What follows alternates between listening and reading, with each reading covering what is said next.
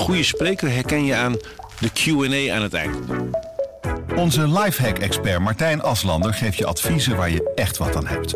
Beluister en bekijk Martijn of een van onze andere experts op businesswise.nl. Businesswise, het nieuwe platform voor iedereen met ambitie. Goedendag, dit is het nieuwsoverzicht van de Stentor. Oost-Nederland moet dit jaar ruim 5000 extra opvangplekken voor asielzoekers creëren. Voor Gelderland en Overijssel komt dat neer op 60% meer plaatsen dan er nu zijn. Dat is een enorme opgave, zeggen beide provincies.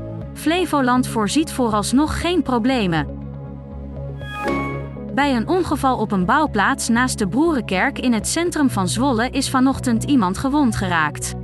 Volgens een bouwmedewerker is er een zwaar voorwerp op het slachtoffer gevallen.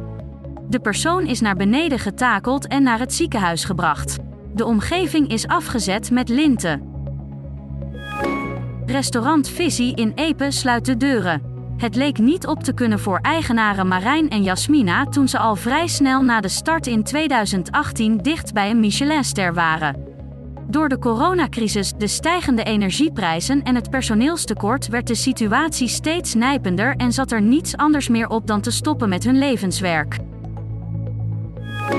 Tegen Priscilla van der Ha uit Deventer is een taakstraf van 160 uur, waarvan 100 uur voorwaardelijk, geëist omdat zij met gestolen bankpas duizenden euro's van een rekening haalde.